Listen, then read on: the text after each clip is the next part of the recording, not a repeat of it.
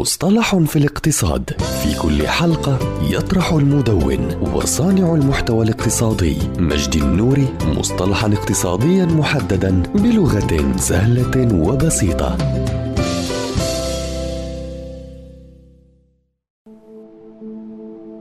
عناق الدب هو مصطلح يستخدم في أسواق المال ويشير إلى الاستراتيجية التي تستخدم في الاستحواذ من قبل تقديم عرض سخي. إذ تقدم الشركة التي ترغب بالاستحواذ عرض استحواذ لشركة أخرى مقابل سعر للأسهم أعلى بكثير مما تستحقه. وعلى الرغم من أن هذه الاستراتيجية تندرج ضمن عمليات الاستحواذ العدائية فإن عرض الشراء السخي يعتبر ودودا. وقد سميت هذه الاستراتيجية بعناق الدب نسبة إلى فعل عناق الدب الذي يدل على وضع الذراعين حول شخص ما بإحكام شديد وخشونة.